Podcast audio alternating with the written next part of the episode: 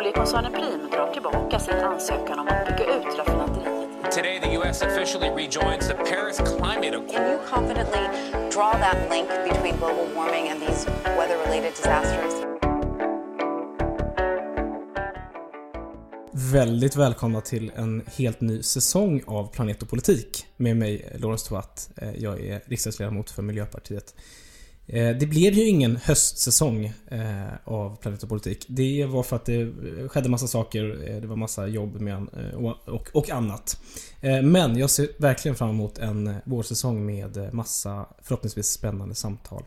Och vi börjar med någonting som jag tror kommer bli ett jättespännande samtal med Mikael Nordlander. Han är chef för Vattenfalls industrisamarbeten och är, jag brukar kalla honom ibland för Mr Hybrid. Eh, mycket mer om det i själva samtalet. Jag tänker att vi sätter igång direkt.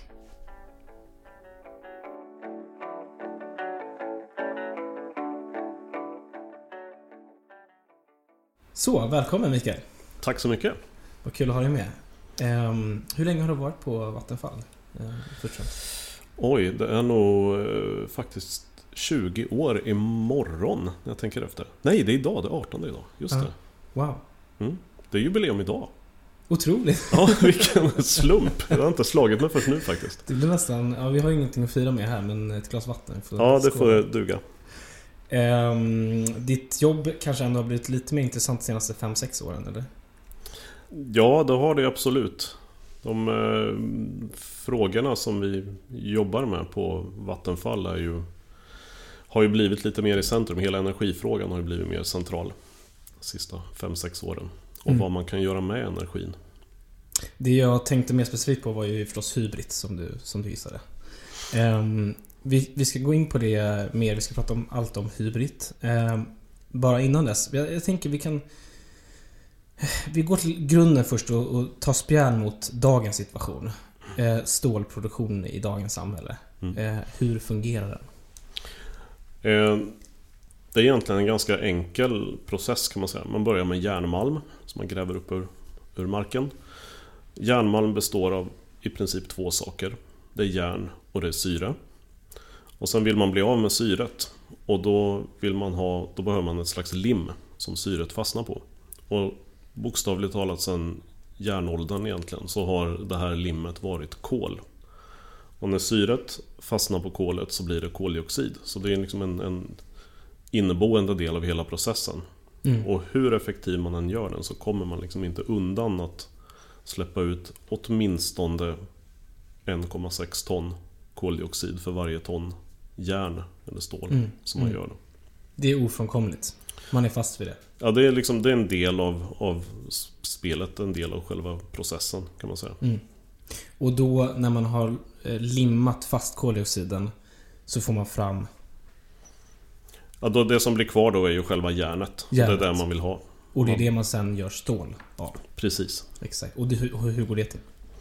Ja, då, då ska man ha lite kol i järnet. För stål är ju järn med en liten, liten, liten mängd kol i. Och sen så beroende på vilket stål man ska ha så får man tillsätta en massa andra saker då. Massa legeringar beroende på vilka egenskaper man vill ha. Så. Men där utsläppen kommer ifrån det är framförallt det där första steget då när järnmalmen ska bli järn. Mm, mm, just det. Och för sen ska man då bearbeta det på olika sätt, värma upp det, forma det. Och sen i, slutskedet så har man då kanske en, eh, vad ska man säga, en eh, bil... Eh, vad heter det? En bildörr. Ja, precis. Eller vad det kan vara. Alla, alla liksom Ja. saker man använder det till. Just det. Eh, så egentligen ett djupt fossilberoende.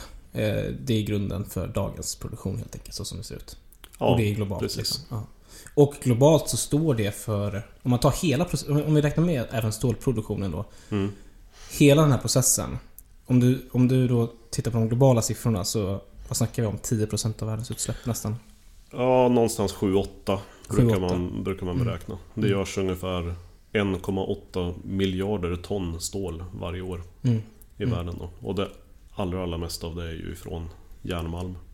Mm. Mm. Så det blir ungefär, ungefär 7-8% av globala utsläppen. Mm.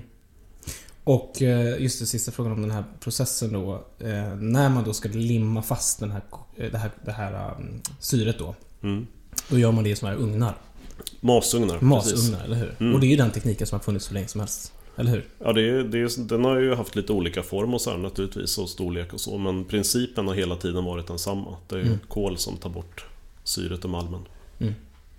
Och det är det här som vi nu ska bli av med, eller hur? Ja, det är ju våran plan och det är Ja. det som vi har haft så intressant jobb med de sista 5-6 åren då som vi, vi startade det här samarbetet med SSAB och LKAB Ja. 2016. Och det är, man kan säga att det är ni tre som eh, ingår i det här projektet då. Och så har ni dessutom, liksom, ni har staten halvt om halvt i ryggen. Dubbelt upp kan man säga. Dels för att det finns statligt ägande i de här bolagen och, eh, och för att staten är med och stöttar och sådär. Men så det, är- man kan säga att det är ett stort samarbete för att få fram det här. Ja, det är, ju, det är ju ett stort projekt som vi har påbörjat mellan våra tre bolag då, och sen under, under vägens gång nu när vi, när vi utvecklar den här alternativa tekniken som, med hybrid som vi vill ha istället så har vi bland annat då haft, haft stöd av Energimyndigheten och så hittills. Mm, mm. Jag kommer ihåg eh, när vi tog fram det här stödet. Det var liksom... Det, det, det sammanföll på något bra sätt. Det var inte ens... Jag tror inte ens att det var så att vi tänkte att det skulle, skulle vara just till det här projektet. Utan vi jobbade separat på två olika håll tror jag. Mm. Eh, om jag minns det rätt. För, för det här, det här industristödet och industriklivet. Det var ju egentligen tänkt att det skulle vara en typ av reformering av EUs utsläppshandel. Men sen så reformerades det ändå. Eh, och ni som vill höra mer om EUs utsläppshandel ska lyssna på det avsnittet som jag har med Jakob Dalunde om det. Men eh, lite reklam här. Ehm, nej men precis, och sen så, var det, så visade det sig att det inte funkade. Och då blev det istället det här industriklivet då. Som, mm. Jag Ja. tror inte att det fanns när vi började. Jag tror det kom... Det kom precis efter, tror Ja, jag. efter sommaren 2017. Någonting sånt. jag jag tror att det var så... Ja, Vi får inte fastna i det här. Men jag tror att ni gick ut med den här satsningen eh, i en debattartikel på... Det, det måste varit våren 2016 va? Ja, precis. April. För sen tror jag att vi aviserade det här stödet ganska så kort efter faktiskt. Men eh, ja, strunt samma. Vi får läsa Och sen- historieböckerna. Ja, ja, det blir, ja, det blir intressant. eh, Okej, men hybrid då. Eh, det är samarbete mellan er tre och vad är det då? Alltså, vi börjar från början så att vi liksom benar ut allt. Jag tänker att eh, det här är så pass viktigt så att vi vill att alla ska förstå vad det handlar om. Ja, eh, och det var väl lite därför vi började med att beskriva den här processen med, med hur järnmalmen blir järn. Eh, Som jag sa, vi, vi behöver ett lim som ska ta bort syret ur järnmalm så vi får vårt rena järn. Och det hybrid egentligen gör, kärnan i det, det är att vi byter ut limmet. Mm. Vi byter ut det kolet som vi har som lim idag mot vätgas istället. Och vätgasen i sin tur då, den gör vi ifrån vatten och fossilfri el. Så då tar vi bort liksom själva orsaken till koldioxidutsläppen, för vi har helt enkelt inget kol i processen. För när vätet, som är det nya limmet då, binder till syret i järnmalmen, då blir det vatten igen. Mm. Så vatten blir den enda restprodukten kan man säga av den, av den processen. Men, det här kanske är en för nördig fråga, men nyss nämnde du att det behöver finnas kvar lite kol i, stå, i järnet. För att det sen ska vara... Ja, just det. Eh, Men det kan man få till på något annat sätt eller? Är det... Ja, det, är en, det, kan man introducera på andra sätt. Så, och det är en väldigt, väldigt liten mängd Ja. som man liksom vill binda in i järnet för att, för att det ska få vissa egenskaper. Ja, okej. Men kolet som förs in idag i masugnarna är ju för att göra jobbet att ta bort syre. Mm. Det ska aldrig det stanna, det ska liksom inte meningen att det ska stanna i kolet utan Mm. det ska göra jobbet att göra den här limfunktionen eller reduktionen då som det kallas. Mm. Så vad var liksom bakgrunden till att ni liksom satte igång det här?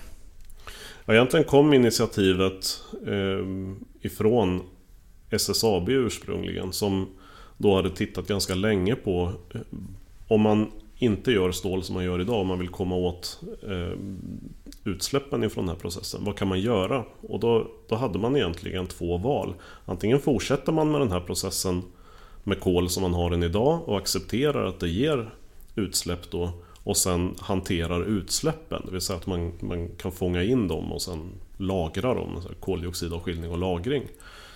Eller så tar man kanske ett större teknikkliv då och försöker göra om hela processen till det här då som blev hybrid istället och det var ju det man valde. Men för att kunna göra det då så finns det ju en, en fundamental skillnad och det är att istället för att förse den här processen med väldigt mycket kol så behöver man förse den med vätgas som man då gör av el. Och det är där då som, som vi på Vattenfall kommer in i bilden. Då. För det här blir en ganska stor grej. Ställer man om hela SSABs nuvarande stålproduktion då tar det ungefär 10% av den svenska elen. Mm, just det. Just det. Och nu har ju dessutom LKAB sagt att hela järnmalmsproduktionen ska vi göra om till järn. Och den är väsentligt mycket större än SSABs produktion. Mm. Och då pratar vi om ännu mera, kanske en tredjedel av, av svenska elkonsumtionen. Mm. Wow. Eh, jag vill inte helt lämna det tekniska ännu. Alltså, du har, nu har du gått, eh, tagit oss igenom det här med hur man traditionellt sett gör, eh, gör järn eh, och stål. Eh, med det här nya systemet då. Eh, ta oss från början. Först så gräver man upp järnmalmen. Sen? Sen smular man sönder den, tar bort orenheter så man får så ren järnmalm som möjligt. Eh, maler ner den till pulver och sen så med lite tillsatsmedel så rullar man små kulor av dem. Ser ut som små lerkulor ungefär, som kallas pellets då. Eh, sen steker man de här i en ugn. Det är LKAB som gör det här idag. Eh, så man får ut dem eh, som små hårda kulor, ser ut nästan som lekakulor. Och de här eh, järnmalmspelletsen då sen, de går idag in i masugnar där de då varvas med kol och sådär. Eh, Men istället så är det en, ungefär samma typ av pellets då som man stoppar in i en eh, slags en annan typ av ugn. En, en liksom som är som ett stående rör kan man säga. Där man fyller på med, med såna här pellets och sen så har man in varm vätgas i den här ugnen då som strömmar igenom och sliter ut alla syratomer ur, ur järnmalmen. Och ut i botten då trillar små kulor som ser ut ungefär som de gjorde när de gick in där uppe. Men de är lite gråare bara. Och där syret har suttit så är det alltså små hål. Och tittar man på dem i mikroskop så ser de ut som små tvättsvampar egentligen då. I och med att det är en massa hål där syret har suttit. Så man kallar det för järnsvamp som kommer ut. Och den här järnsvampen sen då, den vill man smälta ner. Till skillnad från en masugn så smälter ju aldrig metallen i den här då. I en masugn kommer järnet ut som flytande men här kommer den ut i fast form istället. Och då är den ganska reaktiv sådär. Den, den kan vilja binda tillbaka sitt syre igen. Så då behöver man smälta ner den här eh, Eller så knycklar man ihop den och pressar ihop den till en brikett till exempel. Som du sitter och har framför dig här. Som jag sitter här, Ja. min trygga lilla kompis som jag alltid har med mig.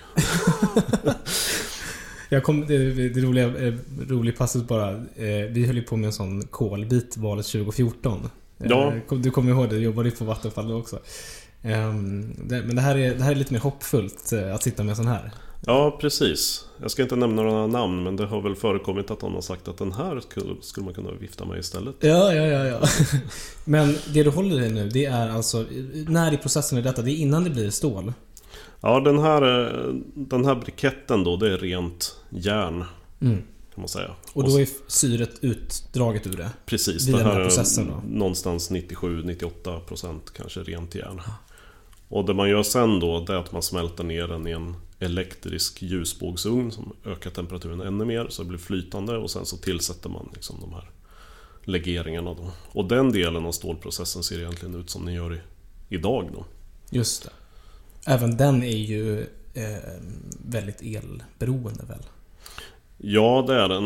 Eh, Men det är eh, förhållandevis lite om man jämför med det som går åt för att göra vätgasen till det här steget. Just man gör järn Mm. järnmalm. Och det här är... Eh, ni är först i världen. Kan man säga det? Visst är det så?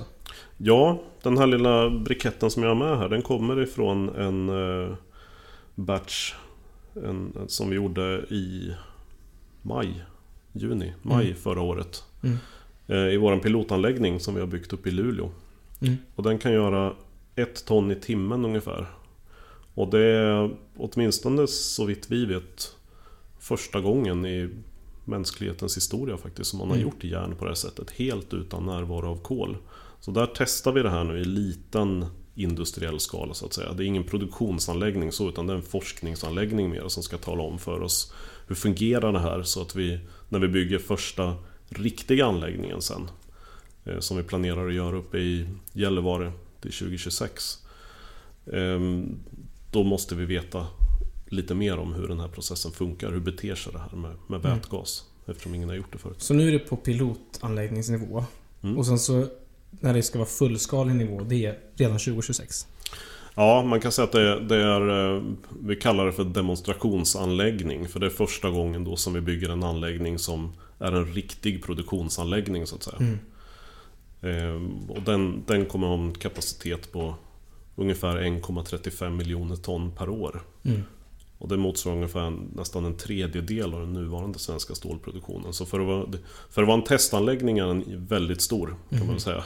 Så, så, eh, man kanske skulle kalla den någon första produktionsanläggning eller något. Mm. Men, men den är ju inte optimerad eller så eh, på samma sätt som den nuvarande tekniken är som har haft liksom decennier på sig att mogna och trimmas och bli bättre och bättre och sådär.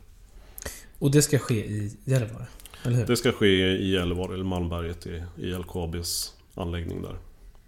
Och för att det ska funka så måste man också ha då den här nya vätgasproduktionen då. Precis, vi gör ju vätgas då av vatten, Mm. som är ju väte och syre, som man delar på dem med hjälp av energin i el. Så den processen som kallas elektrolys, då, den har varit känd i 100 år. Från Mm. början var det så man gjorde vätgas innan någon kom på att man kunde göra det finurliga att göra vätgas av fossilbränslen istället. Vilket har varit dominerande nu de sista decennierna. Så vi har dammat av den här gamla tekniken igen och eh, kan använda den i det här fallet. Då. Och då behöver man en elektrolysör Ja. som då delar vattnet. Mm. Spjälkar, säger Ja, man. Jag vet inte vad... Spjälkar. Ja, det är massa uttryck kring det här som folk inte greppar. Ehm, man delar det och, så, och, och för att det här ska funka då i storskalig drift så behöver ni lagra vätgasen också, eller hur? Ja, från början kanske vi inte behöver det. Vi har ju turen i Sverige och Skandinavien att ha ett elsystem som består av väldigt mycket vattenkraft med mycket dammar i. Eh, Vi har ju stora vattenmagasin då, där vi kan vrida på kranen så att säga lite grann när vi vill. Ehm, Men i norra Sverige framförallt nu, i Sverige generellt och i norra Sverige så byggs det ju ganska mycket vindkraft nu. Mm. Och om vi framöver då ska ställa om hela stålindustrin och kanske hela järnmalmsproduktionen till de här då, till, eh, till den här nya tekniken som går på el. Då kommer det ju krävas mer el. Och när det nu byggs mer och mer väderberoende kraft i form av vind, då kommer vi få ett balansproblem om eh, industrin vill ha vätgas dygnet runt, året runt. Mm.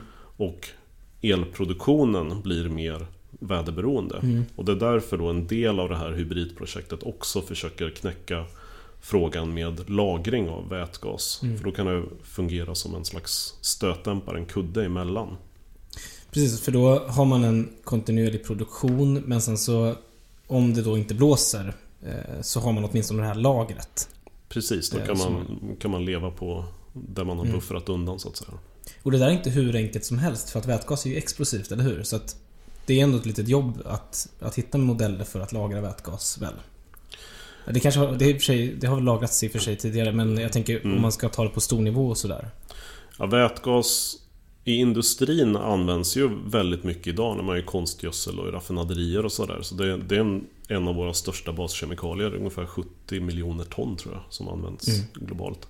Så användning av vätgas så är inget nytt och det är ju som egentligen alla kemikalier, man får respekt för det. och Det finns naturligtvis säkerhetsbestämmelser och hanterar man saker under tryck så finns det regelverk för det. Och Mm. är det kemiskt reaktivt så, så finns det regelverk för det. Eh, Men, så det är klart man ska ha respekt för det. Men vi, vi tror att det finns en väldig möjlighet då i att lagra vätgas i stor skala under mark. I ett bergrum. I ett bergrum, Mm. precis. Och du, du var ju inne på det här med energitillgången som finns, eh, inte minst i norra Sverige. Det leder mig in på nästa fråga egentligen och det handlar ju om Vi är först i världen. Varför är vi först i världen just i Sverige? Varför, var, var, varför sker det här i Sverige? Om du får... Ja, det, vi har ju tre parametrar här kan man säga som, eh, som gör det extra gynnsamt för oss att börja. För det första så har vi ju råvarorna. Eh, vi har järnmalmen, den är av väldigt god kvalitet. Eh, Vi producerar idag ungefär, jag tror det är nästan 90% av Europas inhemska produktion av järnmalm. Eh, För det andra så har vi energin. Elsystemet idag har vi ju en, en mix av vattenkraft, kärnkraft och vindkraft framförallt. och Lite biomassa också. Som är redan idag till 98% ungefär fossilfri. Och vi har en ganska stark energibalans över året. Så vi har, även om vi kan ha problem ibland att få elen dit vi behöver den när vi behöver den, så har vi en stark energibalans. Eh, och det sista är att vi har ju en tradition av industriell utveckling i Sverige. Vi är liksom en ganska framstående exportnation och vi gör ganska avancerade grejer. Liksom från vi tar upp malmen hela vägen till specialverktyg och bilar liksom, och har en, en väldigt stor exportindustri. Så vi har, vi har ett bra industriellt kunnande. Och tar man de här tre delarna så är inte det så himla vanligt i världen. Man saknar oftast någon av de här tre. Just det, vissa länder kanske har just den första delen, nämligen brytning av järnmalmen, men de har inte de andra två delarna eller liknande.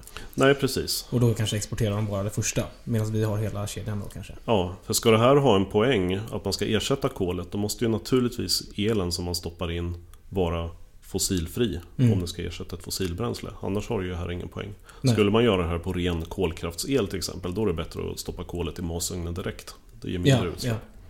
Men, eh, och där, det leder mig in till en annan fråga som du kanske är li- är lite mindre bekväm på att svara på. Men om man tänker, vi har ju fossilfri el i Sverige, men är det inte också så, eh, du behöver inte svara om du inte vill, att om man har helt förnybar el till exempel, Mm. vatten och vind bara, så kanske man till och med kan ta extra lite betalt för, för stålet. Kanske. Ka- kanske.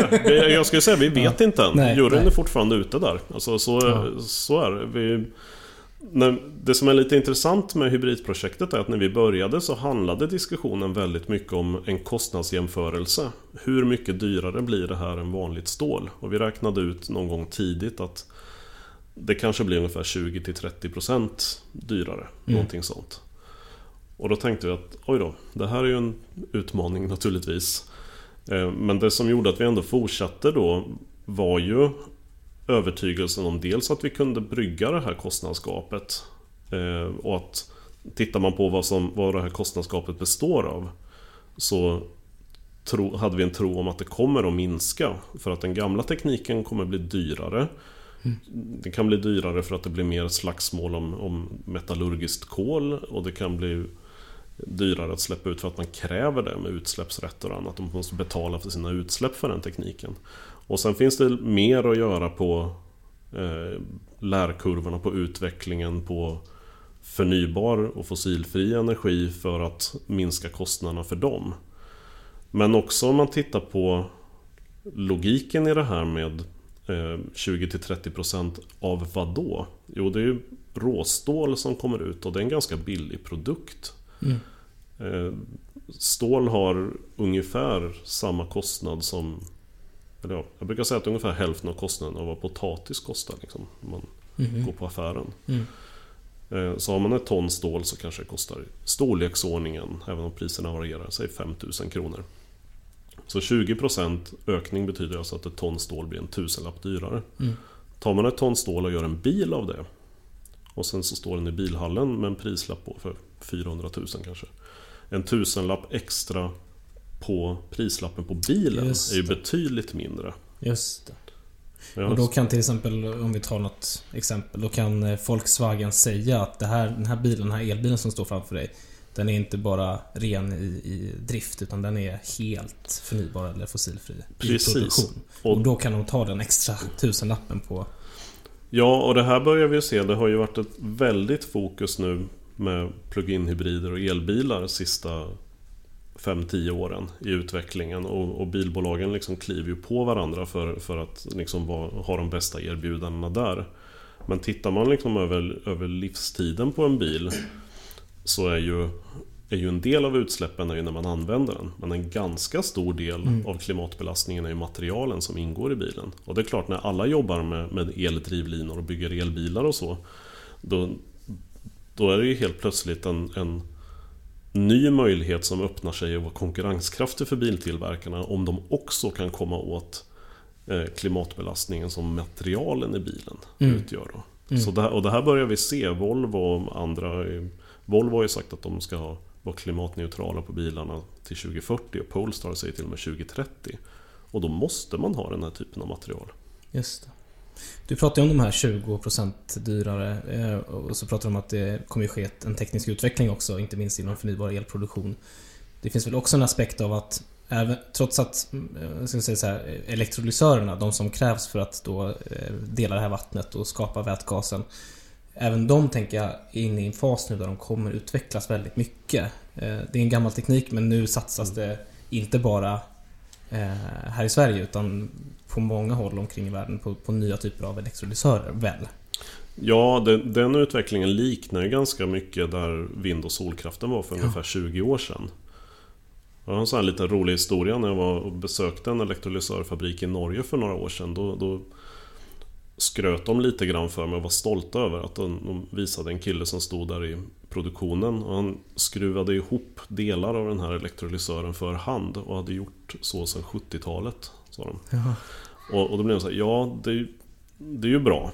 Men det är ju inte industriell produktion av det sättet. Och det, och det är liksom det som har varit mycket av kostnadsminskningen på vind och sol. Det har ju varit att man liksom industrialiserat och lärt sig stämpla ut de här enheterna effektivare och effektivare. Och jag, jag är övertygad om att när vi nu ser en efterfrågan i industrin av vätgas att elektrolysörer, de kommer gå exakt samma väg. Jag, jag, jag tänker att eh, många underskattar just den här teknikutvecklingen. Den är liksom så himla... När det väl skapas en stor efterfrågan globalt eller i Europa eller vad det kan vara.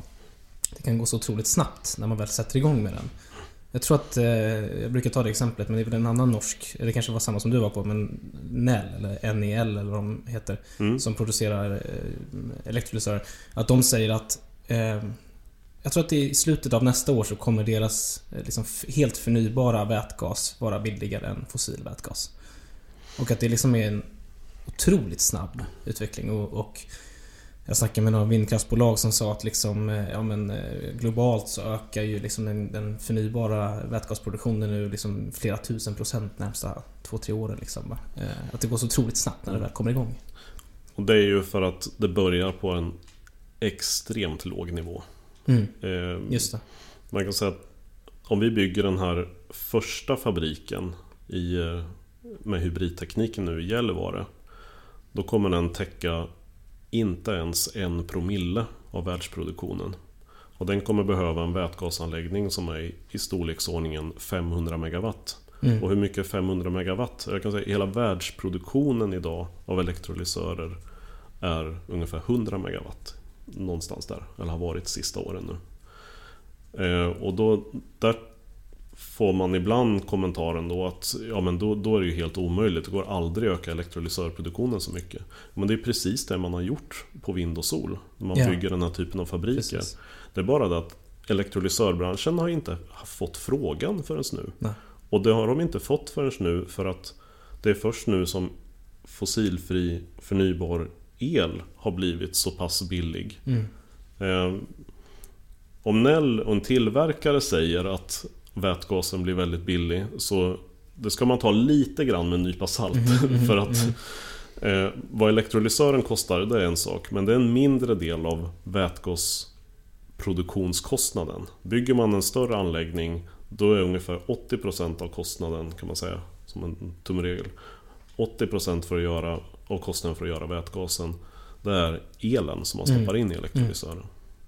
Men där är ju då poängen och ett av grundskälen till att ni etablerar er i norra Sverige till exempel. Det är ju just att vi har stora mängder av billig elproduktion då. Inte minst nu när, när vinden har byggts ut så mycket. Och att vi har vattenkraften som grund.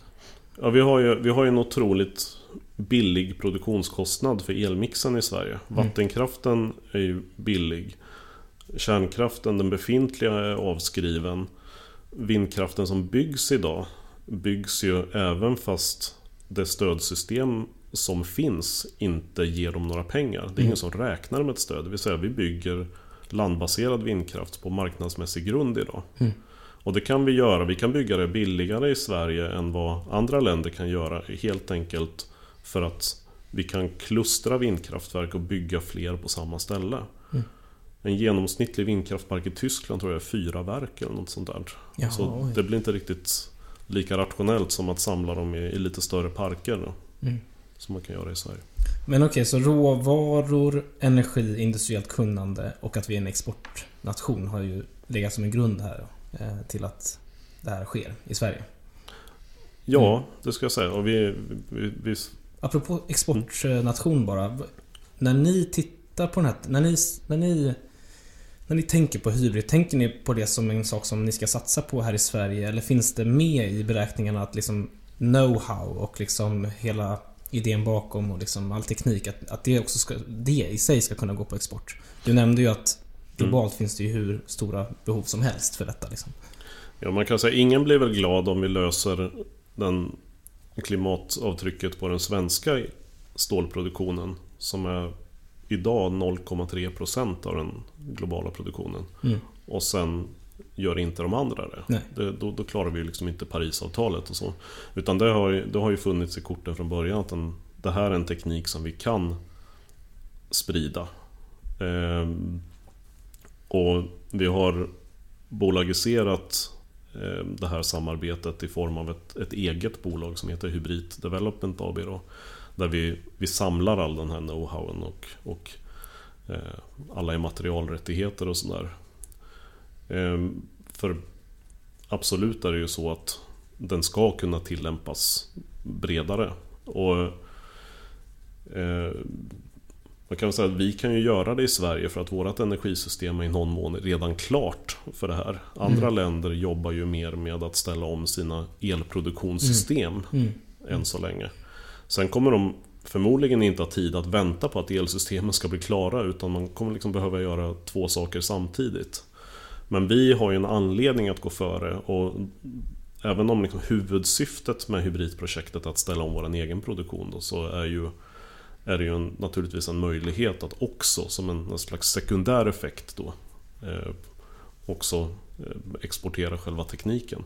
Ja, för visst är det väl ändå så att intresset globalt har varit enormt? Du, du nämnde att du har varit precis och spelat in podd med Forbes.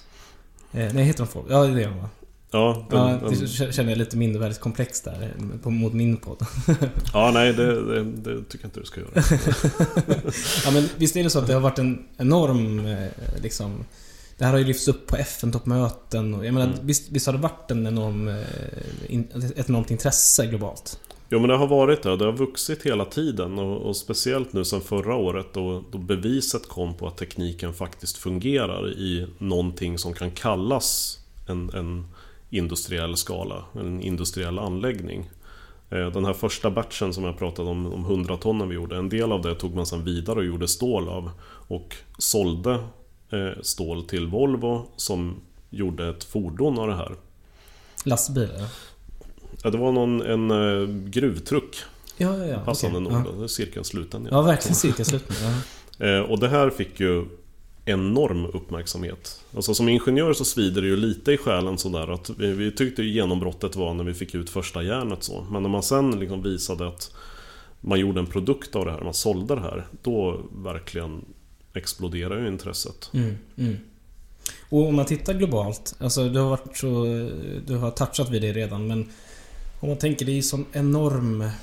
Vi har ju sån otrolig utmaning med hela stålproduktionen globalt liksom Mm. utifrån, ja men bara 6, 7, 6 8, 7, 8 procent globalt av, av utsläppen. Eh, om du får liksom... eh, Säga någonting om den globala poten- potentialen som finns här. Vad tror du? Och när kan vi se det här stora genombrottet globalt? Jag tror inte att det är jättelångt borta. Eh, när vi började med det här då var vi ganska ensamma 2016. Och det var väl till och med så branschen fnissade lite åt oss i ärlighetens namn. Då. Men Härligt Nej. för dig nu att bara kunna Ja men man ler lite i mjugg nu kan jag säga ibland. Så- Men eh, med tiden nu så har ju fler bolag börjat gå samma väg. Och idag har ju i princip alla stålbolag i Europa har ju något utvecklingsspår som handlar om vätgas. Mer eller mindre avancerat men alla är ju på samma boll nu så att säga. Och ett av Kinas största stålbolag har till och med gått ut och sagt att de ska försöka slå oss på tidplanen. Och det, jävlar. Mm. det är lite så här. Det är lite kul att vara liksom före Mm. och, och känna hur det flåsar i nacken. Så Och ni får ju också kon eh, konkurrenter kan man säga. Eh, H2 Green Steel. Jag vet inte om man, om man ska säga, se dem som en konkurrent men, men de eh, vill också satsa på det här nu. Ja, de vill ju åstadkomma samma sak men, men precis som du säger så är ju utmaningen med att, och få bort utsläppen från den här världsmarknaden på 1,8 miljarder ton. Utmaningen är ju gigantisk. Och det är ju det här som gör det så intressant att Finns det då ett värde i att komma med alternativet fossilfritt stål? Och det ser vi ju att nu, speciellt sen vi började tillverka i pilotanläggningen då, att det faktiskt finns. Ehm, jag tror det var Martin Linkvist, VDn på SSAB, som sa att det som, det som Han fick frågan någon gång Vad har du svårast vad, vad, är det som gör att Vad är det som gör att du har svårast att sova på natten? Mm. Och då sa han med straight face att ja, det är telefonen som ringer. Det är alla kunder som vill ha fossilfritt stål. Mm, vad kul. Ehm, och, och det är klart att finns det en enorm efterfrågan och det släpar med att få fram tillgång på fossilfritt stål. Då driver ju det emot att du har ett premiumvärde på det här. Och ju tidigare du är ute då, desto större premiumvärde. Mm. Så Alltså när du säger premiumvärde så menar du att du kan ta lite extra betalt för det? ja, det, det, det är köparsidan som sätter priset då. Ehm, och, och ur det perspektivet så Visst, H2 Green Steel vill samma sak. Men lyckas de och lyckas hybrid, då har vi fortfarande bara täckt ungefär en procent av hela världsmarknaden. Mm. Om, om hela liksom, svenska malmproduktionen på olika sätt blir stål i flera bolag. Mm. Så det finns plats för många. Och jag tror våra barnbarn, barnbarnen blir gladare av ju fler som Mm. kommer fram tidigt. Och det, du sa att de flesta stålbolag i Europa och nästan globalt har nu olika typer av utvecklingsprojekt. Är det en del av strategin här att... För nu är det ju så att LKAB, de levererar ju brett men inte minst levererar de till SSAB. Mm. Eh, men de tänker sig en situation där de ska kunna leverera den här järnsvampen även globalt till andra kunder antar jag.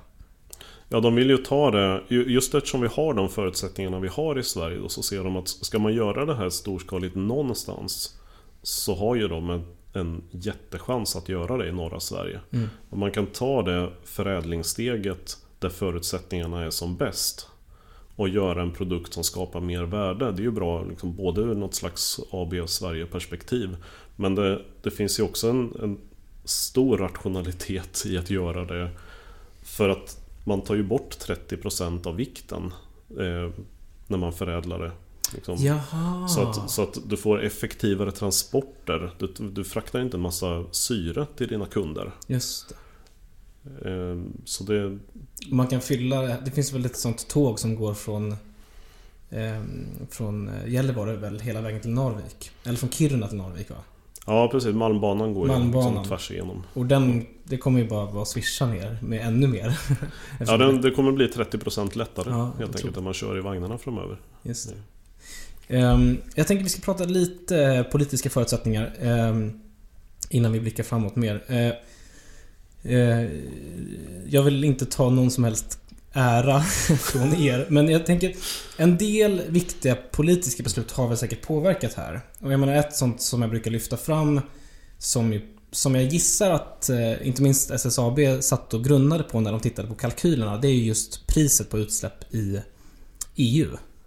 Eh, återigen, det har jag pratat med Jakob Runde om i en tidigare podcast. Eh, just då att EU har ett utsläppshandelssystem och att eh, priset liksom har gått uppåt.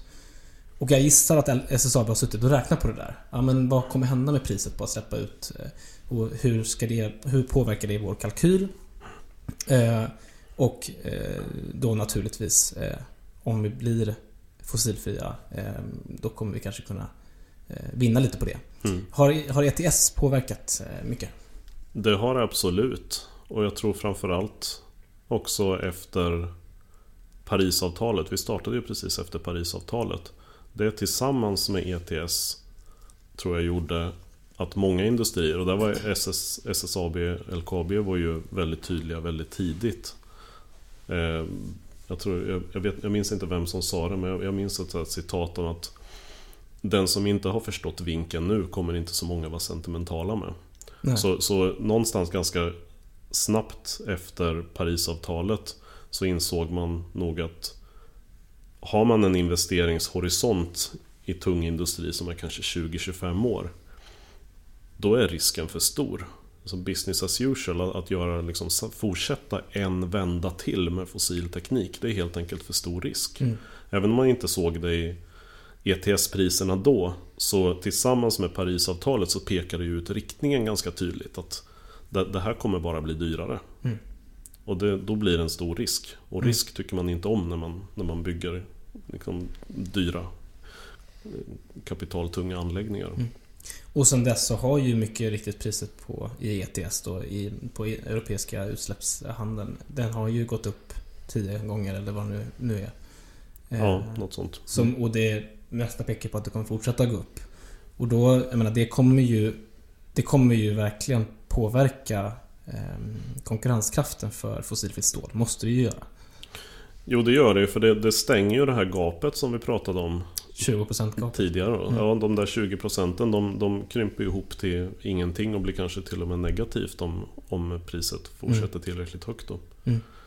Så de som inte redan har börjat med någon omställning i industrin som, som har gjort det nu när ETS har stigit väldigt mycket sista ett, två åren. De är nog ganska svettiga, skulle jag mm. tro. För det mm. tar ju tid att vända en sån här skuta. Vi, jag sa det, vi ska ha första produktionsanläggningen igång 2026 och det är tio år efter att vi startade. Och det är ändå liksom rakettempo i den här, mm.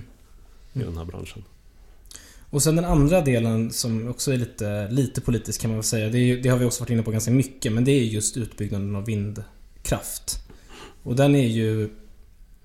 Den har ju drivits historiskt ändå av olika stödsystem. Men nu är den då eh, på, på liksom marknadsmässiga villkor. Eh, mm. Men, jag, men jag gissar att även det påverkar ju inte minst då framställningen av vätgas. Att det blir mycket billigare ju mer vind vi har i systemet. Eh, gissar jag. Och att ja. vi har kunnat bygga ut framförallt i norra Sverige så har vi ju mer att gå på där.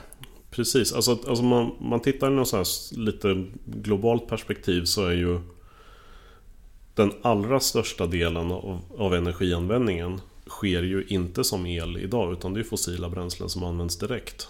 Mm, ska... I industriprocesser eller vad det kan Ja, och i mm. transporter och i värme och allting. Värme, ja. Eh, I, I uppvärmning och...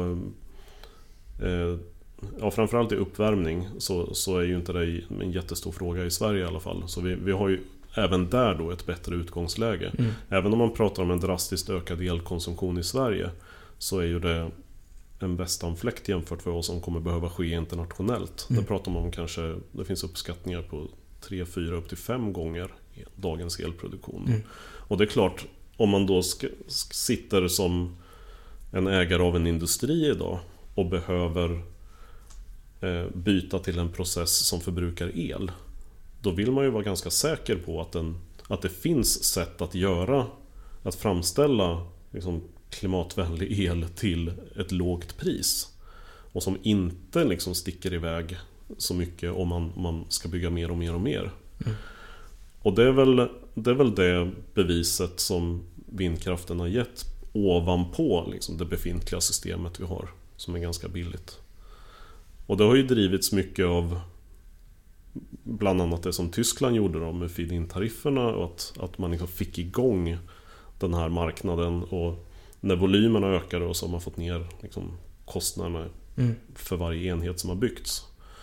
Så, och, och den utvecklingen den, den, hade väl kommit så pass långt ungefär samtidigt då vid 2015.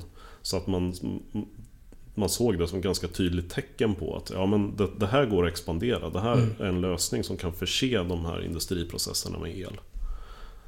Och samtidigt så har vi ju väldigt mycket kvar för att mätta det behov som då komma skall. Ja. Eh, och där är väl en sån utmaning som, som ni och vi politiker också sitter och, och brottas med. Det är just hur ska vi få eh, till ännu mer egentligen. Framförallt vind, vindproduktion som är ju det som i, i Sverige är mest rimligt, tänker jag.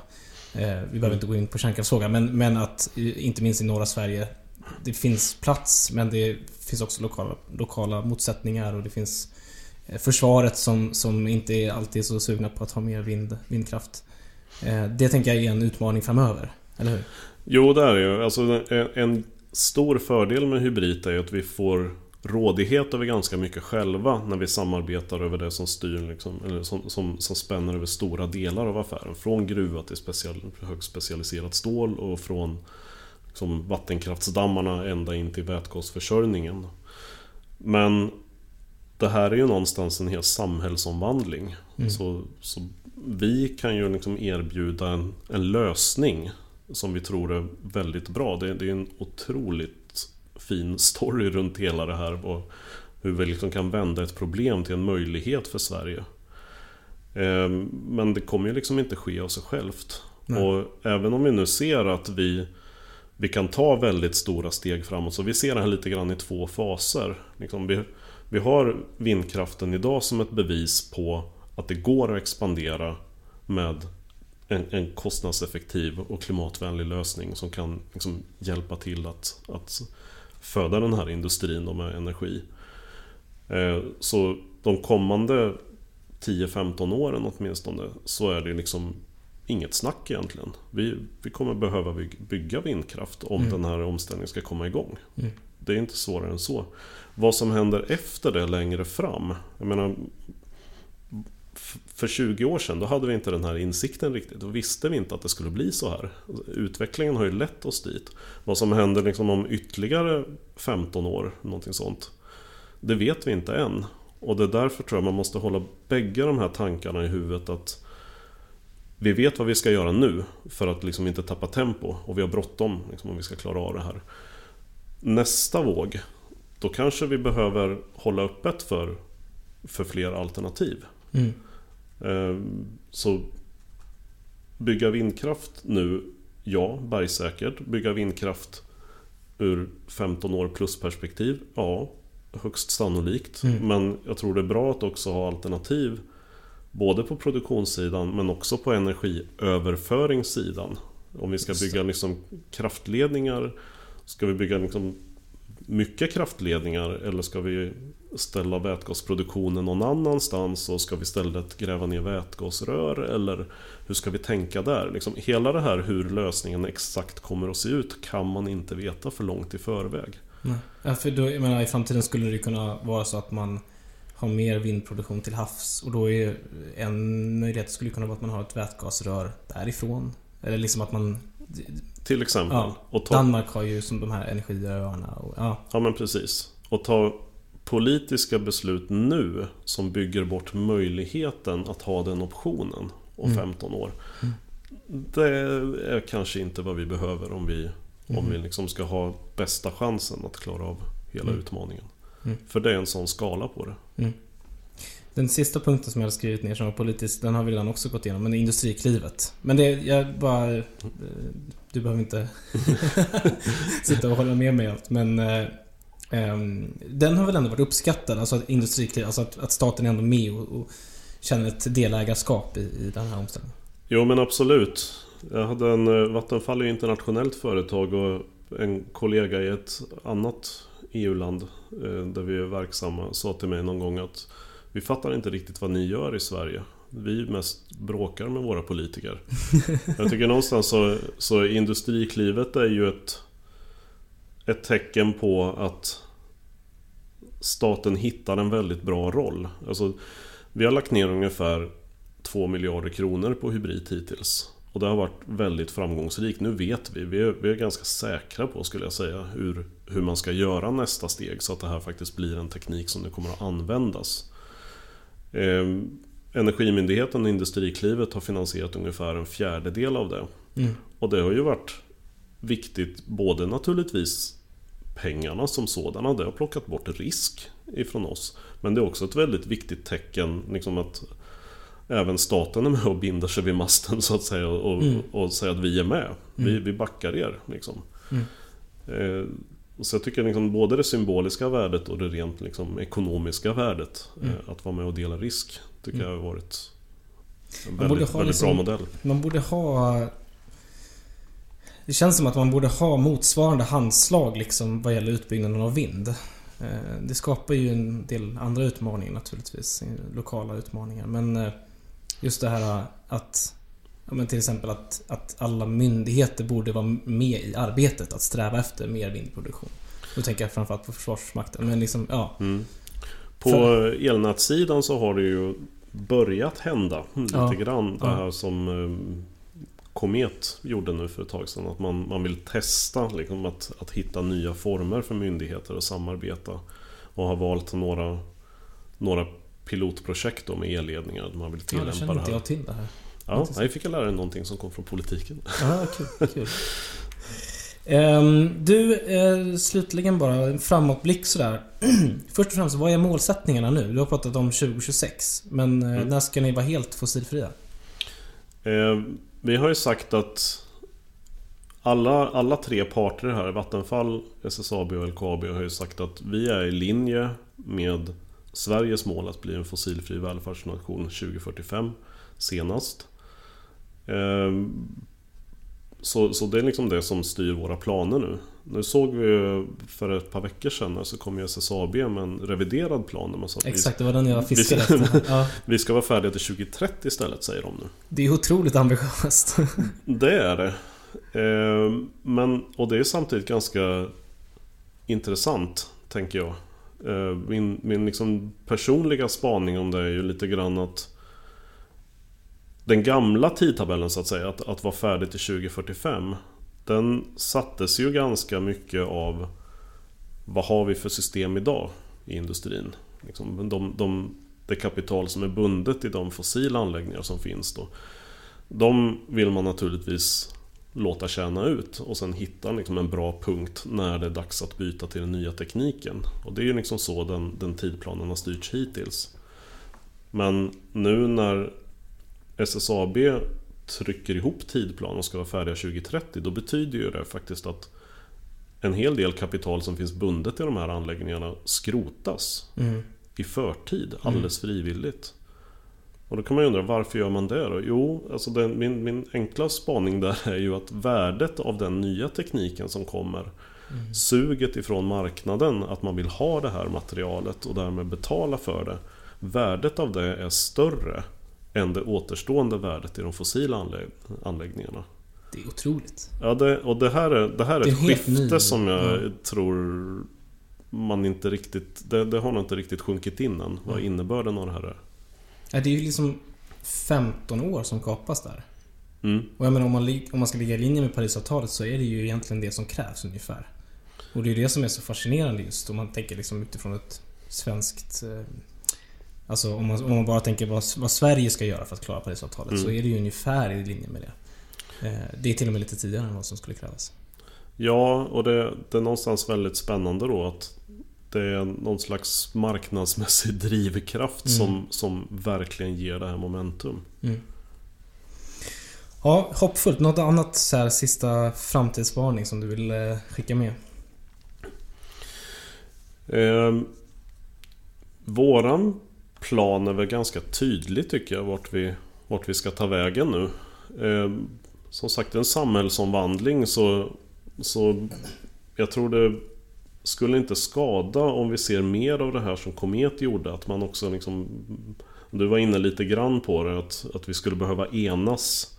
Jag tror ju mer man kan hitta enighet om hur ska den här systemförändringen se ut? Mm. Hur, ska, hur ska hela... Visst, visst, industrin ställer om men det får ju efterverkningar också På hela samhället? för, för hela samhället. Mm. Och jag tror någonstans där så... Vi måste ha en, en väldigt inkluderande attityd till det. Att det här blir inget bra om vi inte får alla, eller så många som möjligt med oss Mm. på det här. Mm. Eh, och det är väl någonting som vi, vi kämpar ganska hårt med nu. Att berätta hela den här berättelsen om varför är det här en sån fantastisk omställning. Att vi vänder ett problem till att eh, istället kunna bli en stor möjlighet för Sverige. Det blev ett eh, avslutande tal till nationen det här nästan. Eh, Jag, jag känner mig åtminstone inspirerad. Kanske vill bli politiker rent av. Det är kanske är det du ska. Du är varmt välkommen. Eh, Mikael, tack för att du var med i podden. Tack så mycket.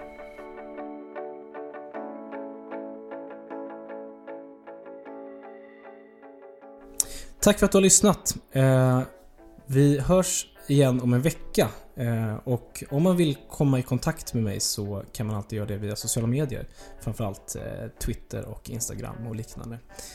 Jag vill tacka min klippare som jobbar med både ljud och vignett, Christian Hamner. Vi hörs snart igen.